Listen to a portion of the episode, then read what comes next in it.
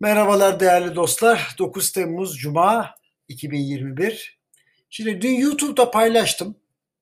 Ankara'da bu aralar dolar TL'nin 7.70 seviyesine kadar gevşeyebileceği konusunda yorumlar yapılıyor. Buna sebep olarak da şu gerekçeler sıralanıyor. 1. ABD ve Türkiye arasında buzların erimesi. 2. Afganistan'da Kabil Havalimanı'nın Türkiye tarafından baştan inşası ve korunmasında uzlaşılması. 3. İsrail'e Türkiye'nin tekrar büyükelçi ataması.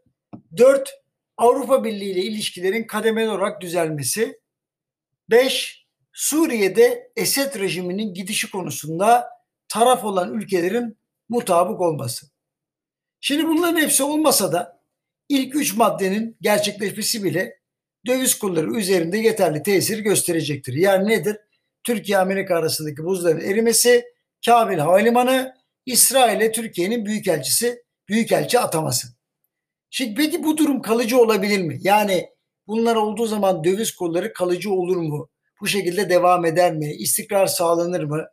Şimdi TL'nin istikrarı üzerinde çok ciddi bozulma yaratan bu maddelerde iyileşme olması elbette enflasyon kur geçişkenliği ve nihayetinde faizler üzerinde olumlu tesir yaratır. Bunu yatsıyamayız.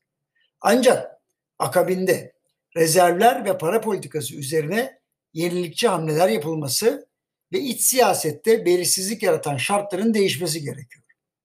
Bölgede Amerika Birleşik Devletleri'nin kayıtsız şartsız destekçisi olan birçok ülkenin ekonomik ve siyasal olarak iyi durumda olmadığı ortada. Yani bizi de böyle bir kayıtsız şartsız destekçi olarak ortaya lanse etmenin pek bir alemi yok. Yunanistan toparlanamıyor. Ürdün'de kötü ekonomik koşullara bir de siyasi karışıklık eklendi. Suudi Arabistan'la Birleşik Arap Emirlikleri birbirlerine girmek üzere. Gürcistan hala yaralarını sarmaya çalışıyor. NATO'ya katılacağım diyen Ukrayna Rus işgaline uğramış durumda.